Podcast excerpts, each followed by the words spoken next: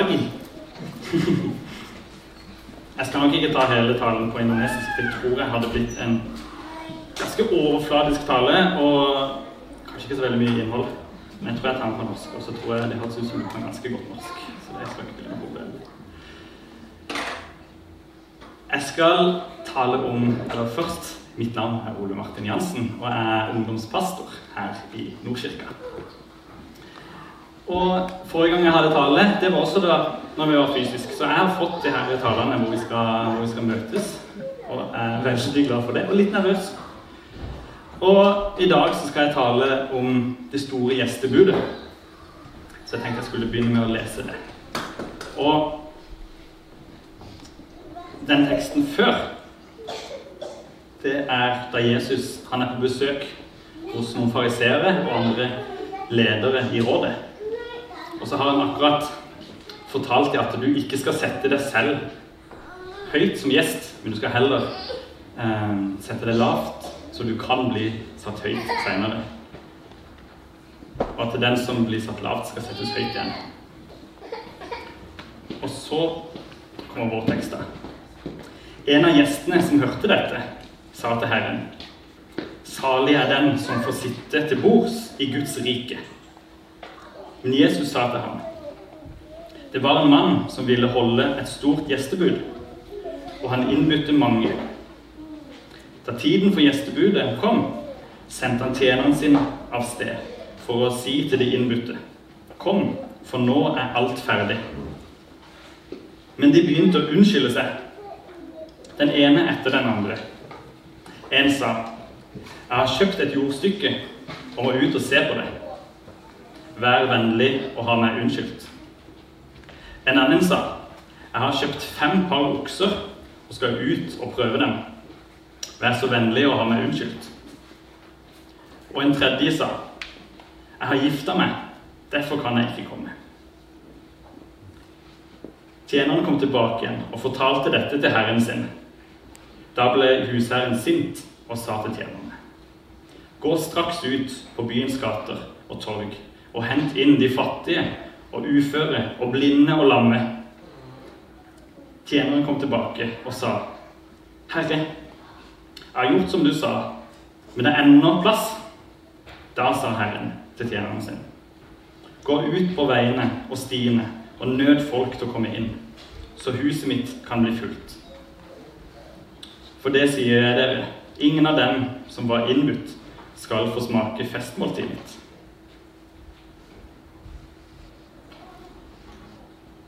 Jeg syns det har vært litt vanskelig å skulle forberede denne talen her. For det er, men det er noe med temaet som jeg syns er veldig viktig å snakke om. Men det, det treffer på en måte noe, noe sårt i meg. Det treffer meg liksom i samvittigheten.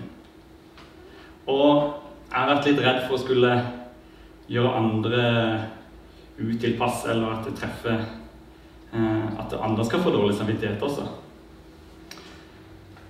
For selv om denne talen her, eller den lignelsen ble fortalt for 2000 år siden, og han var retta mot fariseere og jøder i Eldsterådet, så treffer han meg. Så jeg føler at denne talen her er egentlig mest for meg. Så dere får bare unnskylde, og så får dere bare høre på min monolog til meg selv. Men jeg vet at jeg er bedt til fest. Og jeg tror at det er en plass for meg i himmelen. Og jeg vet at Gud har lyst til å være sammen med meg.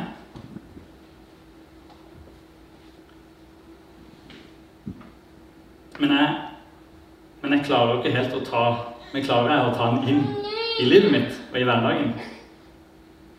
For jeg merker at det er utrolig mange forstyrrelser i livet mitt og i hverdagen. Ikke nødvendigvis bare forstyrrelser som tar meg bort fra Gud, men, men forstyrrelser som tar meg bort fra det som er bra for meg. F.eks. at jeg kan ha litt usunne tanker. At jeg burde være bedre, eller burde, at jeg ikke er god nok, eller at jeg burde være sånn eller sånn, eller annerledes.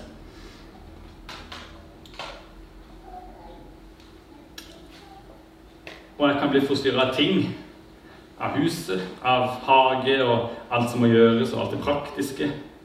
Jeg kan bli forstyrra av internett, av sosiale medier, av eh, Facebook og, eh, og meningsløs scrolling. Um, og disse tingene er for så vidt ikke gale i seg selv. Men noen ganger så kan det bli det. At det kan ta for mye av min oppmerksomhet og tid. Og mitt fokus. Eller kan man kanskje si at det kan ta for mye av ressursene mine. For noen ganger så føler jeg meg at jeg er en av de inviterte som, som takker nei til innbydelsen.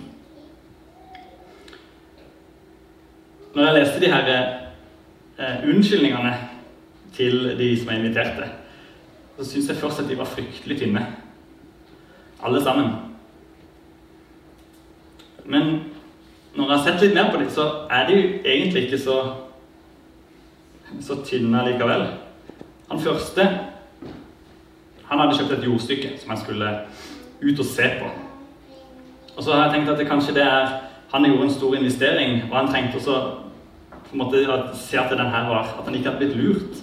Eller at han måtte eh, gjøre de siste forberedelsene for å ta imot jordstykket. Eller han som hadde kjøpt eh, fem par med okser, altså ti okser. Jeg har skjønt at en vanlig gård på den tida var det vanlig å ha to okser, altså ett par på en vanlig gård. Så han her var da vanvittig rik. Han var nok eh, bonde på en stor gård og svært rik. Så jeg syns egentlig det var litt sånn fornuftig han da, å skulle være med på å kjøre inn disse her eh, nye oksene sine og overse det. Og den her store investeringa som han har gjort. Og så han siste, da. Han som var nygift.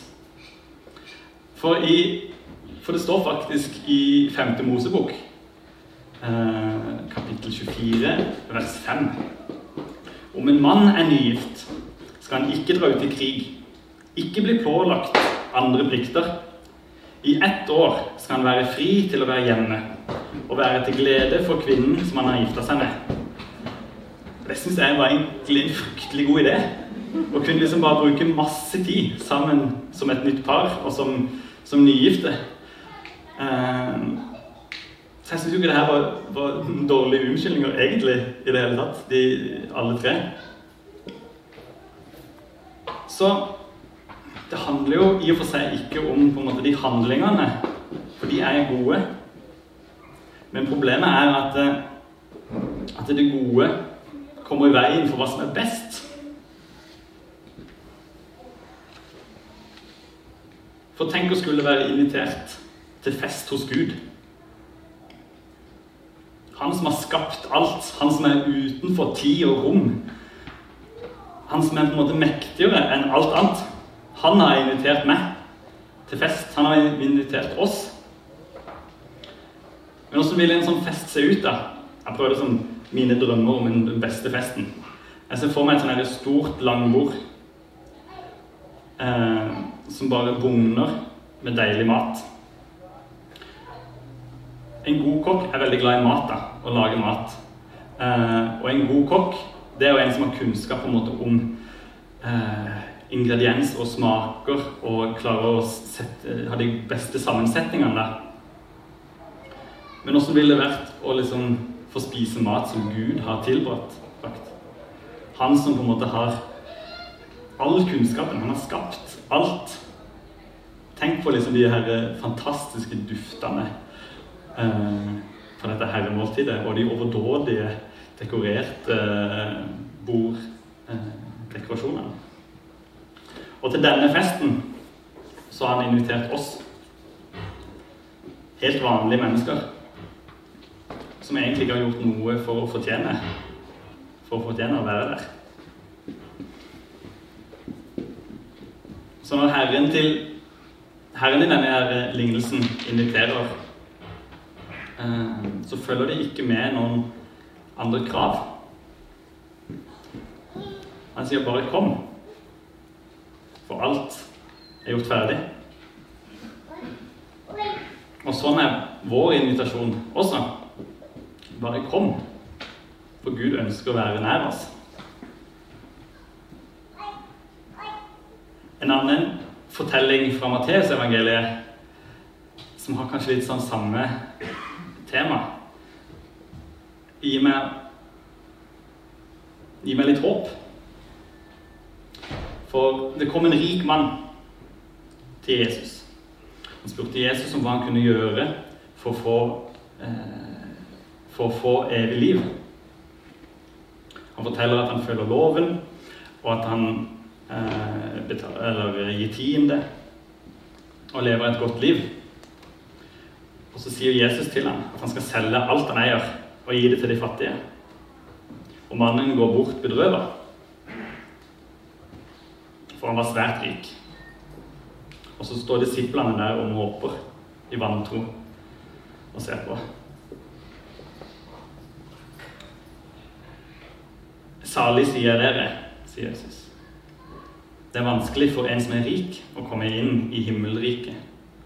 Ja, jeg sier dere, det er lettere for en kamel å gå gjennom nåløyet enn en rik mann å komme i Guds rike. Da disiplene hørte dette, ble, ble de helt forskrekka og spurte hvem kan da bli frelst?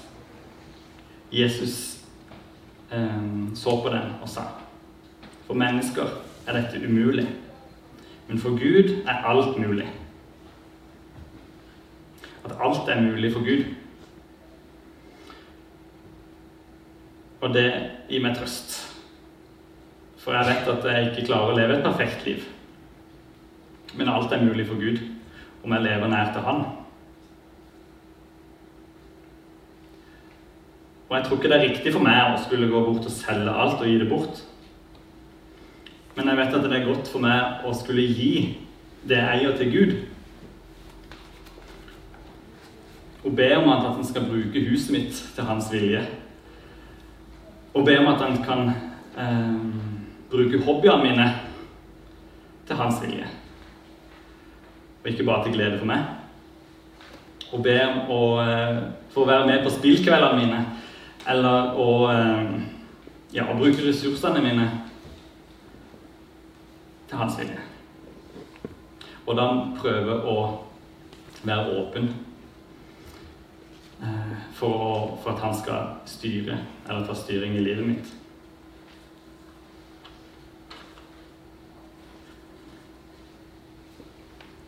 Og jeg kjenner å, en frykt i dette her. En frykt for å slippe rattet, for å slippe styringa. For å miste kontrollen, eller for å ikke ha kontrollen. da. Men jeg prøver å minne meg selv på at jeg tror på en uendelig god Gud som ønsker meg bare vel. Han som kjenner meg ut og inn. Han som vet potensialet i meg, og hva jeg kan gjøre. Og han som vil det beste for meg. Hør på det her løftet han gir oss da, i, i Salme eh, 37, vers 37. Stol på Herren og gjør det gode. Bo i landet og ta vare på troskap. Ha, ha din lyst og glede i Herren så gir han deg alt ditt hjerte ber om. Legg din vei i Herrens hånd. Stol på ham, så griper han inn. Han lar din rettferd stige opp som lyset, din rett som høylys dag. Vær stille og hør og vent på Herren. Har vært litt redd for å skulle høres veldig egoistisk ut i denne eh, talen her. Det bare skal handle om mitt liv, om hvordan jeg skal få et best mulig liv selv. Men det handler jo egentlig ikke om det. Det handler om eh, Det handler om Gud. Det er han som er fokuset. Og det er han som fortjener mitt liv og, mitt, eh, og min ære. Og jeg tror at familien min og de rundt meg um, kan få et bedre liv om jeg lever nær til Gud. Og jeg tror at det samfunnet rundt oss også um, vil bli velsigna når jeg føler Gud. Eller når vi føler Gud også.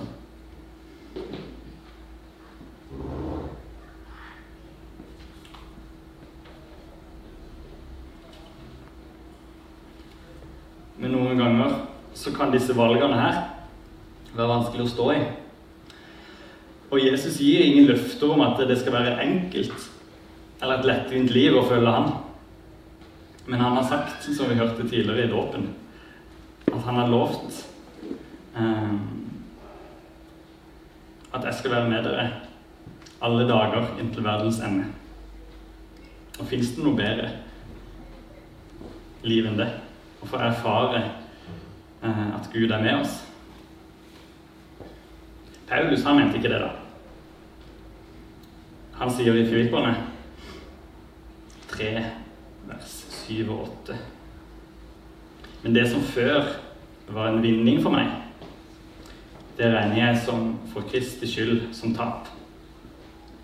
Ja, jeg regner alt som tap fordi jeg kjenner Jesus, min Herre, er så mye mer verdt. For hans skyld har jeg tapt alt. Og alt, skal, og alt jeg har tapt, regner jeg som verdiløst skrap, bare jeg kan vinne Kristus. Dette er ganske sånn radikale ord, egentlig, og vitner om en, en overgivelse til Gud og en glede i å, å kunne leve nær til Jesus. Og så har jeg lyst til å avslutte med, med å lese fra ordspråkene. Min sønn Her er kapittel 3, vers 5-8. 5-10.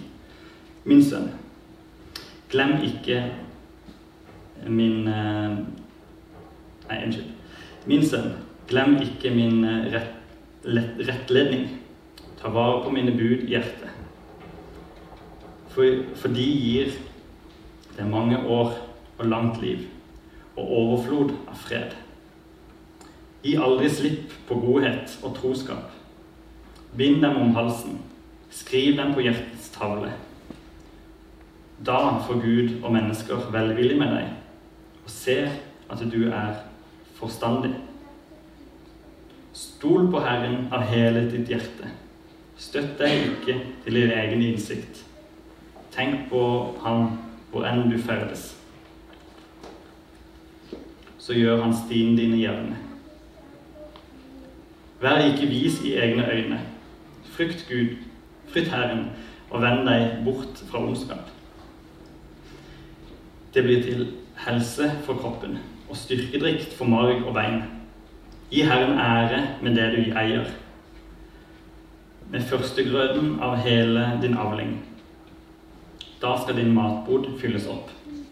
Presskummene renner over av ny vin. Takk, kjære Gud, for at du ville være med oss. At du har invitert oss til fest hos deg. Takk for at vi trenger bare å komme til deg. Og du hjelper oss å eh, Eller hjelper meg og, og oss andre å, å gi plass til deg i livet vårt. Og gi deg den æren du fortjener. Amen.